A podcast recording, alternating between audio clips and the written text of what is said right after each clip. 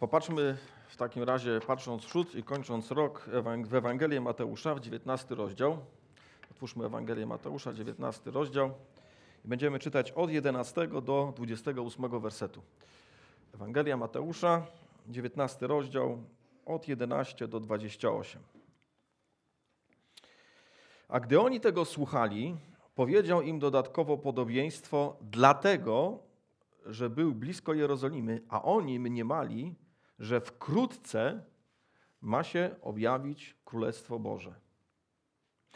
Rzekł więc, pewien człowiek szlachetnego rodu udał się do dalekiego kraju, aby objąć królowanie i wrócić. Przywołał więc dziesięciu sług swoich i dał im dziesięć min i rzekł do nich, obracajcie nimi, aż powrócę.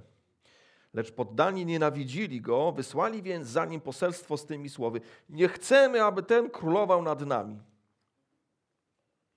A gdy on, objąwszy królowanie, powrócił, kazał przywołać do siebie te sługi, którym dał pieniądze, aby się dowiedzieć, ile kto zarobił. Zawił się więc pierwszy i rzekł: Panie, mina twoja przyniosła dziesięć min zysku. I rzekł do niego: To dobrze, sługo dobry. Przeto iż w małym byłeś wierny, obejmij władzę nad dziesięciu miastami. I przyszedł drugi, mówiąc: Panie, mina twoja przyniosła pięć min. Rzekli do niego: Także i ty, bądź nad pięciu miastami. A inny przyszedł i rzekł: Panie, oto mina twoja, którą trzymałem w chustce. Bałem się bowiem ciebie, żeś człowiekiem surowym. Bierzesz, czego nie położyłeś i żniesz, czego nie posiałeś. Rzeczę do niego. Na podstawie Twoich słów osądzę Cię, sługo zły. Wiedziałeś, że jestem człowiekiem surowym, biorę czego nie położyłem i żnę czego nie posiałem. Dlaczego więc nie dałeś pieniędzy moich do banku? Po powrocie miałbym je z zyskiem. A do tych, którzy stali obok, powiedział: Odbierzcie od niego minę, a dajcie temu, który ma dziesięć min. A oni rzekli do niego: Panie, ma już dziesięć min. Powiadam wam, iż każdemu, kto ma, będzie dane. Temu zaś, który nie ma, i to, co ma, będzie odebrane. Ale tych nieprzyjaciół moich, których, którzy nie chcieli, abym ja królował nad nimi, przyprowadźcie tutaj i zabijcie ich na moich oczach. I powiedziawszy to, szedł dalej, zdążając do Jerozolimy. Chciałbym dzisiaj mówić o wieczności i wydaje mi się, poprawcie mnie, jeśli błądzę, ale wydaje mi się, że nie myślimy zbyt wiele o wieczności. Kto z Was często myśli o wieczności ręka w górę? Coraz częściej. No to co, po niektórym się już tak jakoś perspektywa pojawia wieczności. Mamy nowy rok. Taki moment, którym yy, no myślę, że warto się nad wiecznością zastanowić. Jak w ogóle o wieczności myśleć?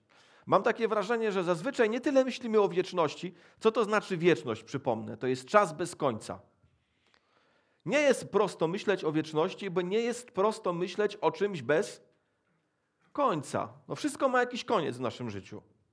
Całe nasze doświadczenie mówi o rzeczach bez końca. Co prawda niektórzy mówią, że tam podatki są zawsze, ale to wiecie, nawet jeśli, to nie, jakby nasze doświadczenie nam podpowiada, że wszystko kiedyś się kończy. Nasze życie się kiedyś skończy. Wiemy o tym, może to odpychamy trochę od siebie, ale wiemy o tym, bo, bo widzimy, że ludzie umierają. E, jak patrzymy na cykl całego roku, to to jest co? Cykliczne. Jest wiosna, ale wiosna nie trwa całe życie. Po wiośnie mamy lato, a po, lato też nie trwa cały rok. Potem mamy jesień. Jesień też nie trwa cały rok. Mamy zimę, wszystko się gdzieś tam zamyka, kończy. I popatrzcie, że jakby ciężko nam się myśli o wieczności. Zazwyczaj mam wrażenie, myślimy o wieczności na takiej perspektywie, o tam smutku nie będzie. Czyli myślimy o tym, że tam smutku nie będzie, ale nie myślimy o tym, że to będzie wieczność. Myślimy po prostu o wieczności jako o miejscu, gdzie nie będzie smutku, gdzie nie będzie jakichś ludzi, którzy y, robią nam y, przykrość, że nie będzie tam zła, że nie będzie grzechu, że nie będzie ludzi, którzy coś spiskują, knują. Takich ludzi nie będzie. O jak fajnie, o jak dobrze. No rzeczywiście dobrze, ale czy pamiętamy o tym, że to jest wieczność, tak poza tym? Czyli, że to będzie bez końca? Druga taka rzecz, pomyślałem sobie o wieczności, a jeśli się będziemy nudzić w wieczności, kto z nas ma ochotę być, żyć wiecznie? Proszę bardzo. Chcecie żyć wiecznie, nudząc się wiecznie? No, ale popatrzcie, zastanówcie się chwilę nad tym. Ja się chwilę zastanowiłem i, i doszedłem do wniosku, że ja nie wiem, jak tam w tej wieczności będzie. Znaczy, liczę na to, że się nie będę nudził, no ale co ja tam będę robił?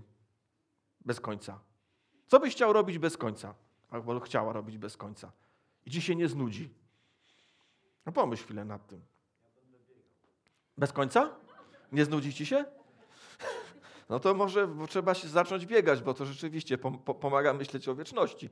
Tym bardziej, że będziesz mieć przestrzeni do biegania dosyć dużo. Także kto wie, może tak co 100 tysięcy lat zobaczymy, bo tam właśnie będziesz wpadał, a wiesz, po, po, po, tak się za, za, zabiegałem gdzieś, że zapomniałem, gdzie jestem, ale wracam do was. A mówi, o jak fajnie, super. Y, myślę sobie, że czasami właśnie tak mi się wydaje. Myśli nam się ciężko o wieczności, bo ciężko nam myśleć o czymś, co nas nie nudzi gdzieś tam na jakimś etapie życia. Chociaż dobrze, że mamy takie rzeczy, które nas nie nudzą. Co więc Biblia mówi o wieczności? Jak wieczność ma wpływać na nasze życie? Jak to myślenie o wieczności ma wpływać na nas, na naszą teraźniejszość i na naszą przyszłość. I chciałbym, żebyśmy właśnie dzisiaj w oparciu o ten tekst trochę się nad tym zastanowili, troszkę się spróbowali zmierzyć z tą wiecznością. E, może niektórzy mają, nie mają takich problemów jak ja, nie wiem. E, ale generalnie mam wrażenie, że jednak zazwyczaj siedzimy w bardzo silnie zakorzenieni w doczesności. Były takie epoki, co prawda, gdzieś tam w historii Kościoła, gdzie ludzie myśleli o wieczności. Może dlatego, że ta doczesność była taka trudna, taka przykra, taka smutna, no że wtedy rzeczywiście jakoś łatwiej nam jest po prostu się oderwać od tej, wieczno, od tej doczesności i skupić na czymś innym i pocieszyć. Ale bardzo, powiedzmy sobie uczciwie, nam jest całkiem dobrze dzisiaj. Generalnie rzecz biorąc, generalnie rzecz ujmując, nam jest całkiem dobrze. Dlatego ciężko nam się myśli o wieczności. Znacznie łatwiej nam się po prostu myśli na tym, co tu i teraz, jakie fajne, dobre jedzenie jutro zrobić, y, co tam sobie zrobię, jak sobie coś zaoszczędzę, albo co sobie kupię, jak sobie zaoszczędzę. I o takich rzeczach nam się znacznie łatwiej myśli niż nad wiecznością. Y, ale właśnie y, wieczność i perspektywa Boga w przyszłości jest czymś bardzo, bardzo ważnym. Chciałbym, żebyśmy zobaczyli, przeczytali jeden fragment z listu do Hebrajczyków który gdzieś właśnie pokazuje, że wiara łączy się bardzo silnie z myśleniem nie tylko o wieczności, chociaż też z wiecznością, ale w ogóle z myśleniem o tym, co Bóg będzie robił w przyszłości. Co Bóg będzie robił w przyszłości. List do Hebrajczyków, 11 rozdział, 6 i 7 werset. Wiemy, że ten jedenasty rozdział to jest taka lista bohaterów wiary, ludzi, którzy mieli wiarę, ale co to znaczy, że oni mieli wiarę? Bardzo często to oznacza, że liczyli na coś w przyszłości, nie mając nic więcej oprócz Bożej obietnicy. Jeżeli na coś w przyszłości, nie mając nic więcej prócz Bożej obietnicy, że to się spełni. Bez wiary zaś nie można podobać się Bogu, werset szósty mówi. Kto bowiem przystępuje do, niego, do Boga, musi uwierzyć, że On istnieje, i tu z tym chyba nie mamy jakiegoś wielkiego problemu bardzo wiele osób wierzy, że on istnieje, ale zwróćcie uwagę, na tym się nie kończy ten werset. I że nagradza tych, którzy go szukają. Czyli innymi słowy, na coś liczyć. Przychodzimy do Boga i na coś liczymy, że Bóg coś zmieni, Bóg coś da, Bóg coś obiecuje, że Bóg coś, że nie wszystko się jakby już stało to, co miało się z Bogiem stać, że wszystko, że albo ważne rzeczy jeszcze przed nami, że On nagradza. Że ja coś teraz robię, ja coś teraz zasiewam, a on kiedyś da mi jakiś zbiór. Że coś zbiorę z tego, co dzisiaj w wierze sieję.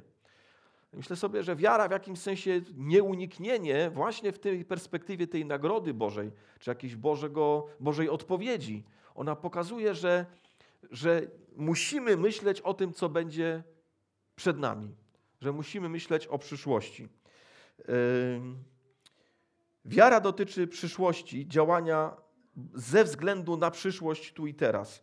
I to tak, jakbyśmy spojrzeli na Hebrajczyków. Hebrajczycy byli ludźmi, którzy właśnie doświadczali prześladowań, cierpień. I w tym momencie y, autor tego listu mówi: liczcie na Boże działanie w przyszłości. Nie dajcie się zniechęcić. Nie dajcie sobie odebrać waszej wiary. Dziesiąty rozdział, werset 35-36. Nie porzucajcie więc ufności waszej, która ma wielką zapłatę. Myślcie o tej zapłacie. Teraz cierpicie, teraz was prześladują. Teraz chcecie zostawić to wszystko, zostawić Boga, zostawić Chrystusa. Wyprzeć się wiary. Jesteście skłonni do tego, bo wiecie, że wtedy będziecie, po prostu, po prostu ulży wam. Przestaną was prześladować. I autor mówi: Nie porzucajcie ufności, która ma wielką zapłatę. Czego wam potrzeba? Wytrwałości. Abyście, gdy wypełnicie wolę Bożą, dostąpili tego, co obiecał. Myślcie o przyszłości. Myślcie o przyszłości. Myślcie, że to, co jest, to nie jest to tylko i wyłącznie, co jest tu i teraz. Myślcie o tym, że jest Boża obietnica, czegoś bardzo szczególnego. Boże, Boża obietnica życia z Nim na wieki. I nie traćcie tego z oczu, kiedy jesteście kuszeni do tego, by Go zostawić, by skupić się tylko na wygodzie, by skupić się tylko na tym, co, co świat nam może dać, by skupić się tylko na tym, żeby po prostu było nam fajnie, było nam wygodnie, bezpiecznie, żeby nikt nic złego o nas nie mówił i żebyśmy się mieli dobrze w taki zupełnie świecki sposób. Nie porzucajmy. Dlaczego? Myślmy o tej zapłacie. Mamy być, nasza wiara ma polegać na tym, że wierzymy, że On nagradza tych, którzy, którzy Go szukają i że ta nagroda jest jeszcze przed nami. Jest taki film, który kiedyś yy, z Batką oglądałem. Piekło i niebo. Znalazłem go na internecie. Możecie sobie znaleźć. Jest za darmo, można sobie go obejrzeć. Z 1966 roku. Stary film z czasów komuny, ale o piekle i niebie. I bardzo ciekawy film. Nie będę całego filmu opowiadał, ale w pewnym momencie trafia taki wnuczek z, yy, z dziadkiem do nieba. No i trafiają do tego nieba. To niebo takie jest puste, białe, być może już kiedyś o tym mówiłem, ale nie, nie pamiętam.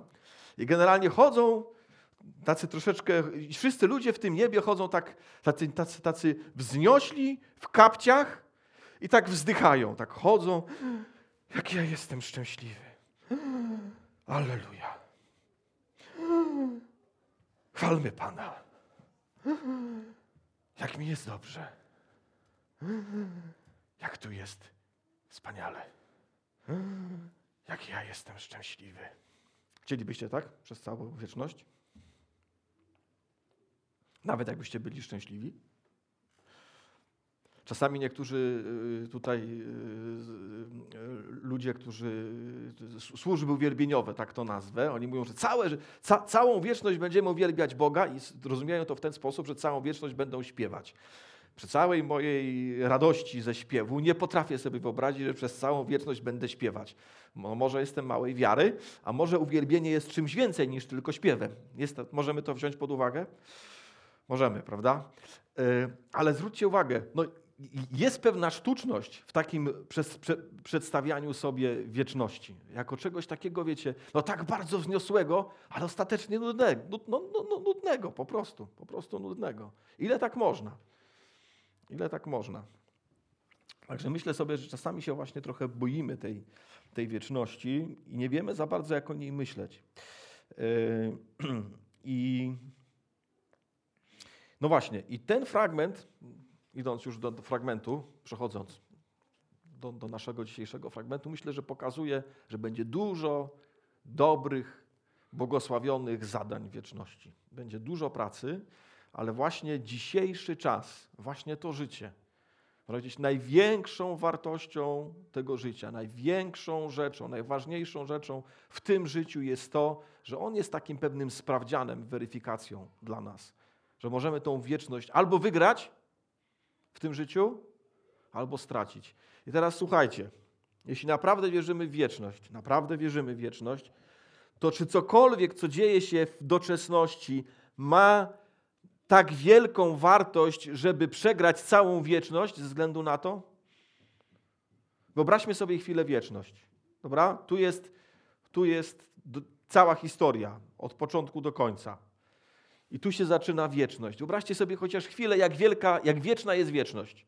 Dobra? Potrafimy sobie wyobrazić wieczność wieczności? Ale tak, tak o, Tak o, tu jest, tu jest ta wieczność, tu jest, tu jest ta historia, którą znamy, tu między tymi dwoma palcami moimi. I co jest ważniejsze? Powiedzcie mi. Co jest ważniejsze? Myślę, że wszyscy wiemy, że wieczność jest ważniejsza.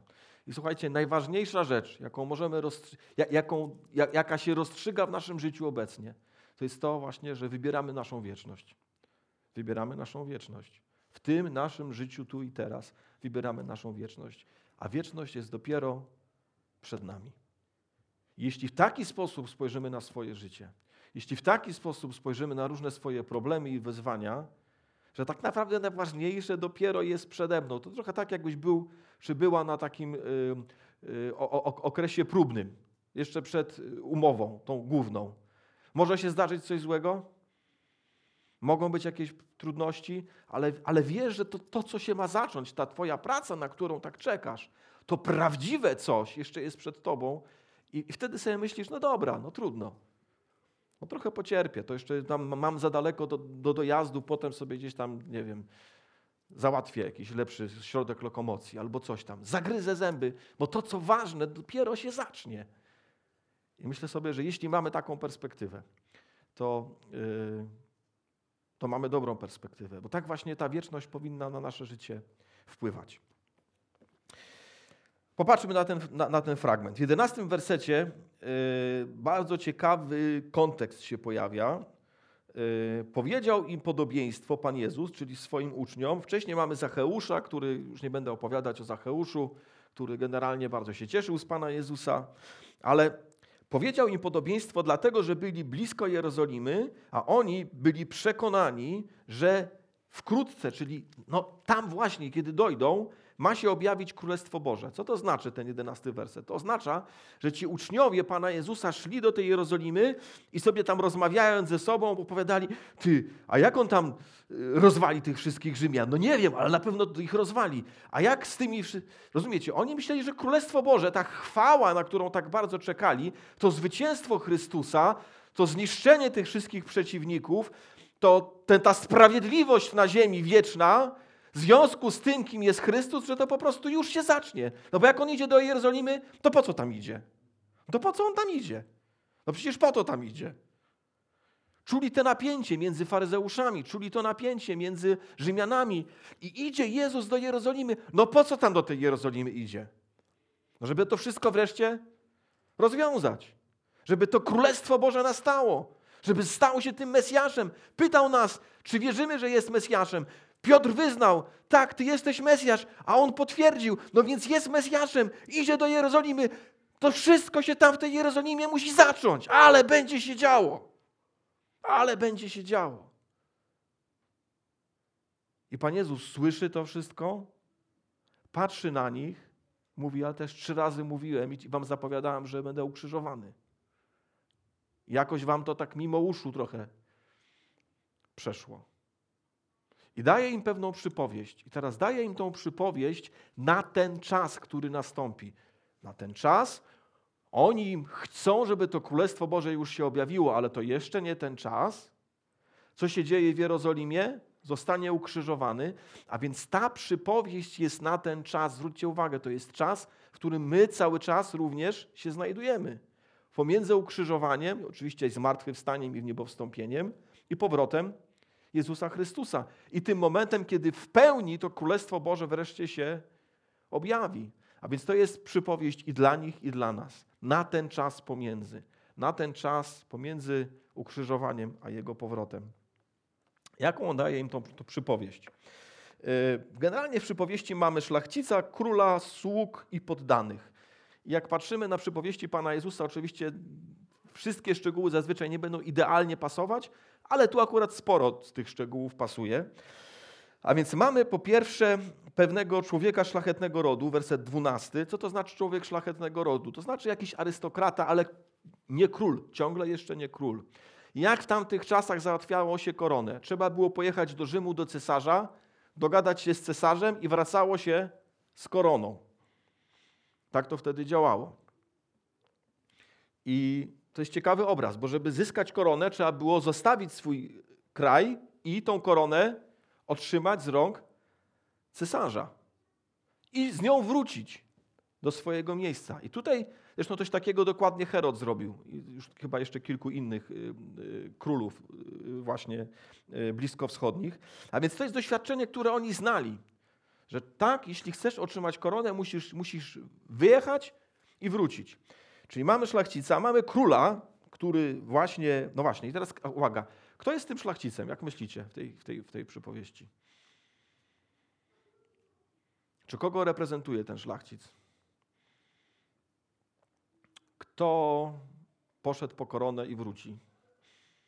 Chrystus. Chrystus, czyli bardzo ważna rzecz. Ten cesarz, ten, który ma koronę, to jest Bóg Ojciec, który mu go wywyższa, właśnie teraz wywyższa go w niebie, kiedy Pan Jezus jest z nim w niebie, ale przyjdzie czas, że wróci w chwale sądzić żywych i umarłych, a królestwu jego nie będzie końca. Mamy sługi, mamy sługi, y, dwa rodzaje sług, dwóch dobrych sług, jednego złego sługę, którzy oczywiście reprezentują większą grupę. I mamy również y, sługi, mamy zadanie, które słudzy otrzymali, i mamy w końcu poddanych. O tych poddanych będę mówił najmniej, ale to są generalnie ludzie, którzy też należą do królestwa, ale odrzucają władzę tego człowieka, który wkrótce zostanie królem. I myślę, że to po prostu reprezentuje niewierny ówczesny Izrael. O nich nie będziemy dzisiaj mówić, bo skupiamy się na nas, na tym, co ta przypowieść mówi do nas. A więc y, jak, ten, jak ta teraźniejszość jest opisana w tym 13 i 14 wersecie? Wiemy, że Pan Jezus udał się do nieba, otrzymał koronę od Ojca i powróci w pewnym momencie do nas. Ale dopóki On wróci, co się dzieje? 12 i 13 werset. Jakie mamy zadanie? Czy jakie słudzy mają od tego arystokraty czy szlachcica zadanie? Mówi tak. Yy, przywołał dziesięciu sług swoich, dał im dziesięć min i rzekł do nich: Obracajcie nimi, aż powrócę. Obracajcie nimi, aż powrócę. A więc mamy minę. Co to jest mina? Mi się mina różnie kojarzy z taką miną wybuchową, z miną taką, prawda, uśmiechem, ale mina generalnie była po prostu jednostką wagi i to srebra, czyli nie było to, to nie było złoto, to nie jest tak jak talent złoty w Ewangelii Mateusza. Prawdopodobnie gdzieś tam kiedyś patrzyłem, taka mina to była warta między 10 a 20 tysięcy. Kilka kilo srebra na, na, na, na nasze dzisiejsze y, a generalnie srebro mniej więcej jest tak samo warte. Więc powiedzmy sobie, że masz, nie wiem, 15 do 20 tysięcy złotych. Czy to jest dużo? Nie za dużo. Ale czy można z takim, z takim kapitałem coś za, zacząć? To zależy, co, jak, jak duże tak, byś chciał zacząć. No nie za duże, ale coś można. Coś już zacząć można. Można jakieś, nie wiem, kupić. Yy, można kupić sobie jakieś yy, narzędzia. No nie wiem, coś sobie można kupić. Komputer można kupić, można na jakiś kurs pójść. No może, nie, nie wiecie, nie jest to jakoś super dużo pieniędzy, ale jest to coś, co można już zainwestować. Zwróćcie uwagę, że to reprezentuje ten kapitał, który zostawia Pan każdemu ze swoich sług z bardzo konkretnym zadaniem. Obracajcie nimi, aż powrócę. Co to znaczy obracać nimi? Mnożyć. Obracać znaczy mnożyć, czyli zainwestować jakoś. Nie po prostu trzymać w skarpecie, tak jak ten jeden z tych sług to zrobił, tylko y, zrobić z tym coś. Jakby z, z, przejąć się tym, że coś dostałem, że jakoś się rozwinąć, jakoś sprawić, żeby z tej jednej miny y, pojawiło się jakieś dobro. Potraktować to dobro, z którego powinno jakieś inne dobro się pojawić. I teraz pytanie, czy my w ogóle w taki sposób myślimy o chrześcijaństwie. Bardzo często się o chrześcijaństwie myśli tylko w takim ksobnym, takiej ksobnej perspektywie, czyli to chodzi o to, żebym nie poszedł do piekła. No, o to też chodzi. Ale Bóg ci daje pewne zadanie, Bóg ci daje pewien kapitał, pewien potencjał, pewne zdolności, obdarowanie. I nie daje tego po prostu po to, żebyś sobie to miał, tylko daje ci to po to, żebyś coś dobrego z tym zrobił. Tak jak w Bożej naturze jest błogosławić stworzenie, robić coś dobrego, robić coś pięknego, robić coś szlachetnego, wpływać dobrem na innych, tak skoro nam daje podobny potencjał, oczekuje od nas dokładnie tego samego. Obracaj tym, aż ja powrócę. Nie bądź bezużyteczny w swoim życiu. Nie bądź kimś, kto po prostu żyje sam dla siebie. Nie. Pomyśl o tym, że masz swojego Pana, że ten Pan ci coś dał i że masz tym obracać, masz to pomnażać dla dobra Jego Królestwa, dla dobra tego, co należy do Niego. Inna taka sprawa, myślę sobie w kontekście tego zadania, y, pomnażania rzeczywistości Królestwa Bożego, y, że to jest, słuchajcie, nasza wartość. Znaczy, tak sobie trochę myślę nad naszym życiem i myślę, że w naszym życiu często się gubimy na właśnie, czemu się gubimy w naszym życiu? Bo, bo żyjemy sami dla siebie, bo szukamy tego, żeby po prostu nam było wygodnie, bezpiecznie. Yy, I możemy nawet to osiągnąć. Tylko problem jest tym, że kiedy to osiągniemy, możemy się okazać, może się okazać, że, że jesteśmy bardzo puści. Może się okazać, że jesteśmy bardzo puści. E, kiedyś słyszałem takie zdanie, że już nie pamiętam, kto to powiedział, że nie boję się tego, że nic nie osiągnę, ale boję się, że osiągnę to, co nie ma żadnego znaczenia. Innymi słowy, ten ktoś powiedział, że boję się rozczarowania, że całe życie będę szukał czegoś, co ostatecznie okaże się pozbawione wartości. I myślę sobie, że bardzo często tak jest, że ludzie szukają, szukają, szukają, myślą sobie, a jak pojadę na kolejne wakacje do nowego miasta czy nowego jakiegoś miejsca, o to tam wreszcie, tam będzie super. A potem, a potem jeszcze do nowego miejsca. I tak, wiecie, można ścigać to szczęście przez całe życie i na samym końcu stwierdzić, że to wszystko było bez sensu. A można zaangażować się w budowanie Królestwa Bożego i mieć wiele radości z tego, że dzisiaj zrobiłem coś dobrego. Dzisiaj, dzisiaj mnie mój Pan użył. Dzisiaj coś dobrego zasiałem. Dzisiaj jakieś ziarno błogosławieństwa Bożego zasiałem w, w moim bliskim, w mojej rodzinie, u sąsiada, w pracy i mieć z tego radość. Można? Można. I co jest lepsze, słuchajcie? Co jest lepsze? Co nie przemija? Co daje pewną nadzieję na, na wieczność? No właśnie, właśnie, właśnie służba. Właśnie służba naszemu Panu. Pamiętam, jak ja się nawracałem, ludzie się nawracają z różnych powodów. Ja się nawróciłem tak naprawdę z jednej prostej rzeczy. Tak mi się wydaje. Kiedy ten pastor, który dzielił się ze mną Ewangelią, mówił mi, słuchaj, jak powierzysz się w ręce Chrystusa, On cię będzie prowadził i sprawi, że to twoje życie będzie mieć, yy, będzie mieć cel, będzie mieć wartość. Ja sobie pomyślałem, jak ja bardzo tego potrzebuję, jak ja właśnie tego chcę. No dobra, to spróbuję.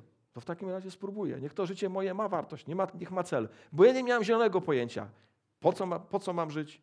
I nie za bardzo wiedziałem też, jak, jakimi wartościami się mam w życiu kierować. No po prostu nie wiedziałem. Nie wiedziałem. I dzięki Bogu się dowiedziałem. Także dzięki Bogu za to zadanie. Obracajcie nimi, aż powrócę. Ma nasze życie sens? Ma. Możemy obracać? Czy musimy mieć talent, czy wystarczy mina? Mina wystarczy. Ten talent, wiecie, złoty talent, bo tam w przypowie- u Mateusza to jest taka potężna wartość, ale tutaj to jest zwykła mina. To jest zwykła mina. I też można ją obracać dla Boga. Nie myśl sobie, że ja to najpierw muszę skończyć y, habilitację, żeby służyć Bogu. No nie. No nie. Albo ja to muszę mieć 20 lat doświadczenia, wtedy podzielę się świadectwem. No nie. No nie. Nie musi tak być. Mamy miny i ta mina jest dobra. Ta mina jest dobra. I mamy tą miną obracać. Niech to nasze życie ma wartość niech właśnie roz, roz, rozprzestrzenia Królestwo Boże. Mamy moment rozliczenia, werset 13. Przypominam, nie 13, tylko 15 werset. Yy, przypominam, że to jest Aha, jeszcze może o zniechęcającym kontekście powiem, 14 werset. Mamy ciągle, tak jak w tym 14 ludzie, w wersecie, ci poddani nienawidzili go, wysłali za nim poselstwo, nie chcemy, aby ten królował nad nami. Zawsze tak jest, że ta nasza służba Chrystusowi jest w kontekście ludzi, którzy mają to w głębokim poważaniu. Zawsze tak jest. I to jest zniechęcające, to jest dekoncentrujące, to sprawia, że nam się czasami nie chce, a czasami sobie myślimy, a może oni mają rację. No zawsze tak jest i zawsze tak było. I właśnie wiara polega na tym, że trzeba wiedzieć lepiej. Wiara polega na tym, że trzeba sobie zrobić plan czytania Biblii przez rok i się karmić dobrymi rzeczami. I być odpornym, po prostu być odpornym. Musimy się uodpornić na takich ludzi, którzy nas zniechęcają, którzy nas dekoncentrują. No bo, no bo co więcej możemy zrobić? No nic więcej nam nie pozostaje. I tyle. Robić swoje i wierzyć. I pamiętać o tym poleceniu. Obracajcie tym talentem, aż ja powrócę. Tego się mamy trzymać w naszym życiu. I właśnie, i mamy ten y, moment rozliczenia. Y, aż, aż ja powrócę, werset 13, i on faktycznie powraca. Słuchajcie, tu jest taki moment w naszej chrześcijańskiej wierze, no nie jesteśmy w stanie nikomu udowodnić, że Chrystus wróci. Ja wam nie jestem w stanie udowodnić, że Chrystus wróci. Jedyne, co wam mogę powiedzieć, to że w to wierzę. No, wierzę w to. Wierzę w to, że Chrystus wróci. Więcej, patrząc na to, że chrześcijaństwo zmienia moje życie na dobre, wierzę tym bardziej, że Chrystus wróci. Więc jakby to skosztowanie tego dobra, które już jest obecne, przekonuje mnie o tej pełni, że będzie tym bardziej wspaniała i dobra, ale tak poza tym nic więcej nie mogę zostawić. No po prostu, czy nie mogę wam, no po prostu, jeszcze nigdy Chrystus nie wrócił. Jeszcze nigdy Chrystus nie wrócił, więc nie mamy się na czym oprzeć. Musimy na tym, tak jak słuchajcie, trochę z Noem było. Też jak, jak budował tą arkę, to wszyscy się śmiali i w głowy stukali. Widziałeś kiedyś jakiś potop? Noe? No nie widziałem. Właśnie cały dings polega na tym, że jeszcze go nie było. Dokładnie, nawet deszczu to tam już nie wchodząc w te szczegóły. Ale generalnie też jeszcze żaden Mesjasz nie wrócił, jakiś pomniejszy nawet z nieba. No jeszcze, jeszcze takie coś się nie zdarzyło. To wszystko ciągle jest przed nami, ale wraca i Pan Jezus z pełnym przekonaniem mówi, obiecuje, że wróci. I musimy się tego trzymać. I zwróćcie uwagę, że to jest właśnie ten moment weryfikacji naszej wiary. Werset 15. Objąwszy królowanie, powrócił, to jest ciągle nasza przyszłość. Wieczność się jeszcze nie zaczęła, Pan Jezus jeszcze nie powrócił. Więc teraz ta przypowieść nam mówi o tym, co, co jeszcze jest przed nami. Kazał przywołać do siebie te sługi, którym dał pieniądze, aby się dowiedzieć, ile kto zarobił. Zjawił się więc pierwszy i rzekł, Panie, mina Twoja przyniosła dziesięć min zysku. I rzekł do niego, to dobrze, sługo dobry, przeto iż małym byłeś wierny, obejmij władzę nad dziesięcioma miastami. To sobie tak nazwałem, że Jezus weryfikuje naszą wiarę przez owoc. Przez owoc. Nie przez deklaracje słowne, że ja wierzę, ale przez owoc. Mówi, dobra, dałem ci tą minę. Ile ta mina przyniosła? No jeden był naprawdę zdolny, może długo żył, ciężko powiedzieć. I ta jedna jego mina przyniosła 10 min zysku. Drugi nie był tak bardzo zdolny, z tej jednej miny pomnożył pięć. Myślę sobie, że jakby jakiś jeden przyszedł, ten nawet ten, ten ostatni, jakby nawet z tej jednej miny zrobił jeden, to też by ciągle pomnożył, tak? To też by ciągle pomnożył, no ale nie, nie pomnożył. Za chwilę o tym będziemy mówić. Ale jakby chodzi o to, że Bóg chce, żebyśmy błogosławili ludzi swoim, tym, tymi darami, które, które nam pozostawił. Ale zwróćcie uwagę, jaka jest nagroda. Ja to nazwałem łaskawa proporcjonalność w nagrodzie, dlatego że oni dostają miasto. Za każdą minę dostają miasto. Teraz co to znaczy objąć władzę nad dziesięcioma miastami? To jest przypowieść. Więc nie sądzę, że chodzi o prawdziwe miasta. Chociaż nie obraziłbym się osobiście, gdybym gdzieś tam jakieś miasto kiedyś w wieczności dostał. Nie wiem, jak wy byście się, byście się obrazili, czy nie. Ale, y, ale generalnie o czym, to, o czym to mówi? Myślę, że to mówi o pewnej odpowiedzialności. Okazałeś mi się wierny, mówi Pan Jezus. Okazałaś mi się wierna. Przez różne trudne, przez różne ciężkie sytuacje w życiu. Służyłaś, służyłeś, y, dałem Ci pewne talenty, używałaś, czy używałeś tych talentów w swoim życiu. I wiesz co? Teraz w wieczności ja, ja, ja, ja, ja Ciebie zapraszam do, służby, do służby dalej. Bo przed nami wielkie zadania, bo nie będziemy się nudzić. Nie będziemy tak tylko chodzić i wzdychać. Jak to jest wspaniale. Jaki szczęśliwy jestem. No nie. Nie wiem o co chodzi z tymi miastami, nie wiem jakie są Boże plany dla tego świata, ale ewidentnie są. Ewidentnie są i to są poważne. To są poważne plany. Coś się będzie działo. Powiem wam szczerze, wczoraj jak sobie to myślałem nad tym kazaniem, to pomyślałem sobie, cała galak, cała, cały kosmos do zasiedlenia. Starczy roboty na wieczność? Czy nie? Jak myślicie? A myślę, że starczy. Myślę, że starczy. Myślę, że po coś ten kosmos jest tak wielki. To jest takie moje osobiste przekonanie. Udowodnić wam tego nie jestem w stanie, ale myślę sobie, że po coś taki wielki jest. I będzie kupa roboty z tą z wieczności, z tym, z tym wszechświatem. Yy. A więc jest łaska w tym, ale jest też pewna proporcjonalność. Dlaczego? Bo ten człowiek, ktoś się okazał wierny. Yy. I to, co chciałbym zwrócić uwagę, patrząc na to, na te miasta, na, na, na ten powrót, że tak naprawdę, słuchajcie, jestem dopiero, jesteśmy dopiero na porządku świata. Jesteśmy dopiero na początku świata. Można by powiedzieć, że to, co ważne, wciąż przed nami. Ono, to się nawet jeszcze nie, nie rozpoczęło. To się rozpocznie dopiero wtedy, kiedy Chrystus powróci. Wtedy się rozpocznie tak na poważnie Boże dzieło. Nie mówię, że teraz jest nie na poważnie, ale teraz to są takie przygrywki. Teraz to jest taki moment, to jest takie przygotowanie. Kiedy Chrystus powróci, wtedy dopiero ta wieczność się rozpocznie. Oczywiście ona się w jakimś sensie rozpoczyna w naszych sercach już wtedy, kiedy się nawracamy, bo zyskujemy to życie wieczne. Ale w pełni jakby będziemy rozumieć, co to znaczy z Chrystusem żyć na wieki, kiedy On powróci. Wtedy dopiero będziemy to w pełni rozumieć.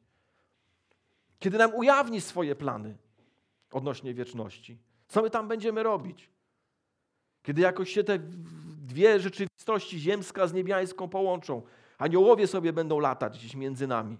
Będziemy sobie się pozdrawiać. Wiecie, dziwne rzeczy się będą działy, ale tak to będzie mniej więcej. Te dwie rzeczywistości się będą przenikać. Na razie tej rzeczywistości nie widzimy.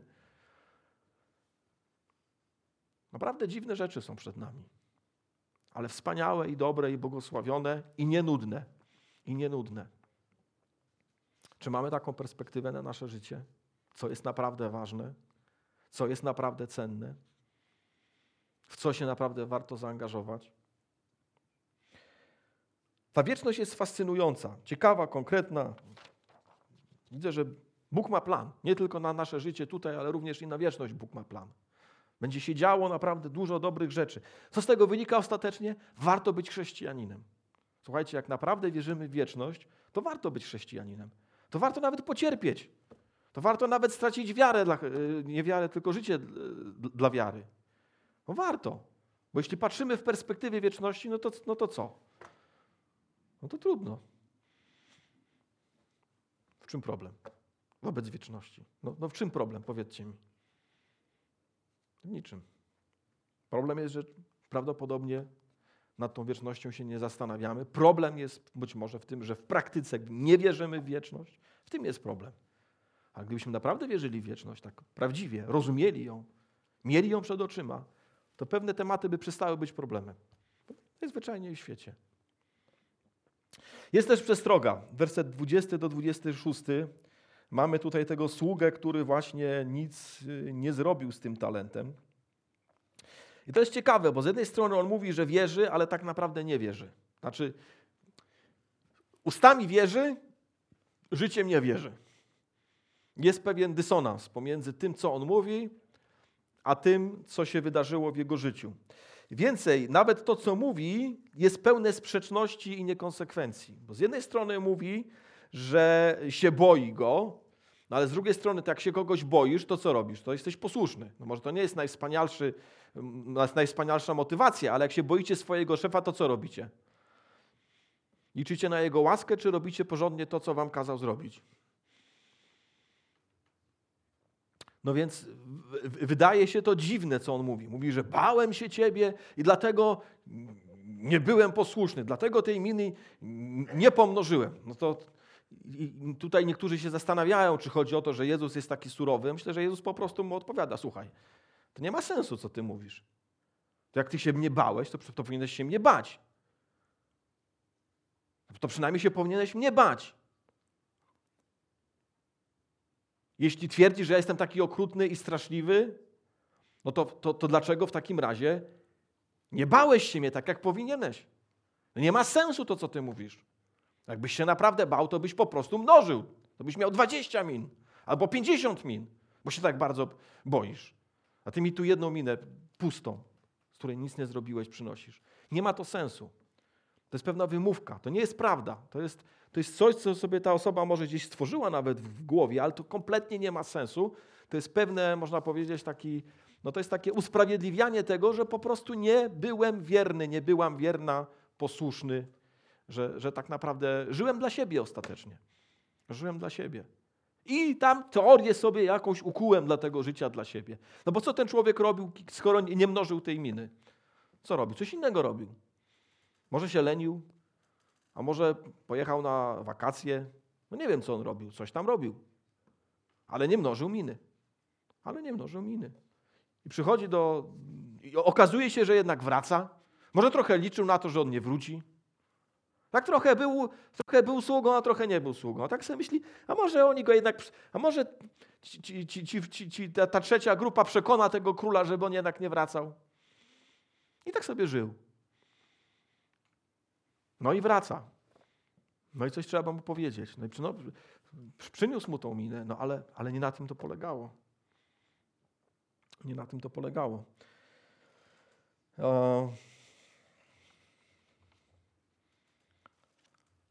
Ciekawy jest ten 23 werset. Dlaczego więc nie dałeś pieniędzy moich do banku? Ktoś kiedyś zwrócił uwagę, że to jest jedyne miejsce w Biblii, gdzie bank się pojawia i co ciekawe, w pozytywny sposób. To jest bardzo dziwne. E, dzisiejsi bankierzy nam się chyba za dobrze nie kojarzą.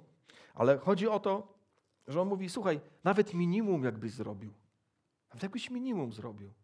Jakbyś te rzeczy, które masz, jak to by się już nie chciało tak bardzo robić, ale jakbyś zainwestował w tych, którym się chce, ich wsparł, ich zachęcił, ich zmotywował, ich wyposażył, to miałbyś co, e, to, to, to, to, miałbyś mi coś, coś do pokazania. Nawet tego nie zrobiłeś. Nawet tego nie zrobiłeś. I w tej perspektywie, patrząc to, co robi, ten Pan jest całkowicie normalne, uczciwe, sprawiedliwe, właściwe, odpowiednie. Mówi: zabierzcie mu to. Jeśli on tego nie użył, jeśli on to zlekceważył, to mu się to nie należy w żaden sposób. Ktoś może oczywiście powiedzieć: A gdzie jest zbawienie z łaski w tym wszystkim? Może, może wam takie się pytanie pojawić. No, jak on się nawrócił, ten człowiek? Myślę, że tutaj nie chodzi, tu ten obraz nie jest obrazem, czy ktoś się nawrócił, czy się nie nawrócił. Ale ten, obra, ten obraz nam mówi o tym, na czym polega życie człowieka prawdziwie nawróconego. Życie człowieka prawdziwie nawróconego polega na tym, że chce służyć Chrystusowi przez swoje życie. Może mu to wyjść lepiej, wtedy ma tych 10 min, może mu to wyjść gorzej, wtedy ma 5 min, może mu to kiepsko wyjść, wtedy ma 3 miny albo dwie. Ale jeśli ktoś w ogóle nie chce żyć dla Chrystusa, to nie jest w ogóle nawrócony. No najzwyczajniej w świecie. Prosta sprawa. Bo nawrócenie polega na tym, że chcę służyć Chrystusowi. Może jestem grzeszny, może jestem zepsuty, może mi to nie wychodzi, ale jeśli w ogóle nie chcę służyć Chrystusowi, to deklaracje, że jestem chrześcijaninem, to one są puste. One są, one są nic nie warte. One są nic nie warte. Przy chrzcie obiecujemy, że chcemy służyć Chrystusowi. Nie tylko, że wierzymy w Boga, że sobie istnieje Bóg, ale że jest Chrystus i temu Chrystusowi chcemy służyć. Także surowy wyrok, ale tak naprawdę nie tak bardzo surowy. E, chociaż się dziwią ci tutaj, ci, ci słudzy Jego. Panie, no jak? Temu dodajesz, co ma już, co ma 10? Tak.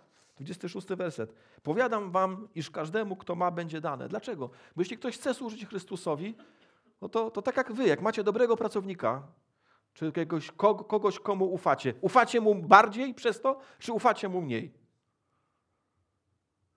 Jeśli ktoś jest dobry w tym, że, że, że wam pomaga w życiu, to chcecie mu jakby bardziej zaufać, czy mówicie, o tobie to już wystarczy, teraz trochę poufam temu, z którym mam problem, wiesz? Bo tu mam takiego kolegę, z którym mam problem, to teraz jemu będę trochę ufał. No przecież tak nie robimy. Jeśli ktoś jest wiarygodny, jeśli ktoś jest uczciwy, jeśli ktoś jest solidny, to będzie dostawał więcej. No tak jest, tak po prostu jest. A jeśli ktoś jest niesolidny, nielojalny, nieuczciwy, oszukuje, to co damy mu więcej? Damy mu więcej? No nie damy.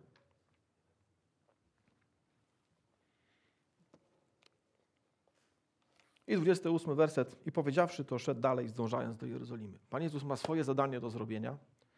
Musi umrzeć na krzyżu, Musi przejść przez hańbę, cierpienie.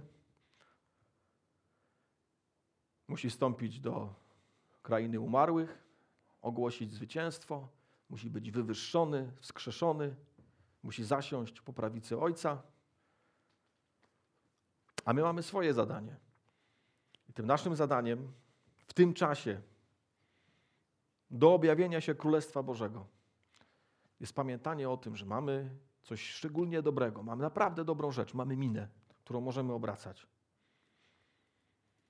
Ale co jeszcze ważniejsze, mamy moment, na który możemy czekać. I tym momentem, na który możemy czekać, jest początek wieczności. Jest powrót naszego Pana w chwale. Powrót naszego Pana w chwale, który rozpocznie tą prawdziwą rzeczywistość. Ta nasza dzisiejsza rzeczywistość to jest tylko przygrywka. To jest tylko przygrywka.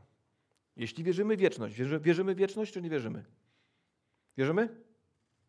Na pewno? No dobra, to wierzmy. To jak wierzymy w wieczność, to wierzmy w wieczność. Dobra? Możemy się tak umówić? Wierząc w wieczność, wierzymy w wieczność. Czyli naprawdę myślimy nad tym, co to oznacza żyć wiecznie. Jeśli naprawdę istnieje wieczność, słuchajcie, to najlepszym, najrozsądniejszym, najwspanialszym, najrozsądniejszym, najwłaściwszym, najbardziej odpowiednim, najbardziej opłacalnym, co możemy zrobić, to zainwestować to nasze życie w to, co, sto, w co się nigdy nie zakończy. Życzę nam takiej wiary, życzę nam życia w perspektywie wieczności, życzę nam, życzę nam wszystkim pomnażania tych talentów. Niech nam wiary i odwagi i wytrwałości starczy właśnie w tym. Amen. Usiądź, powstańmy i pomódlmy się.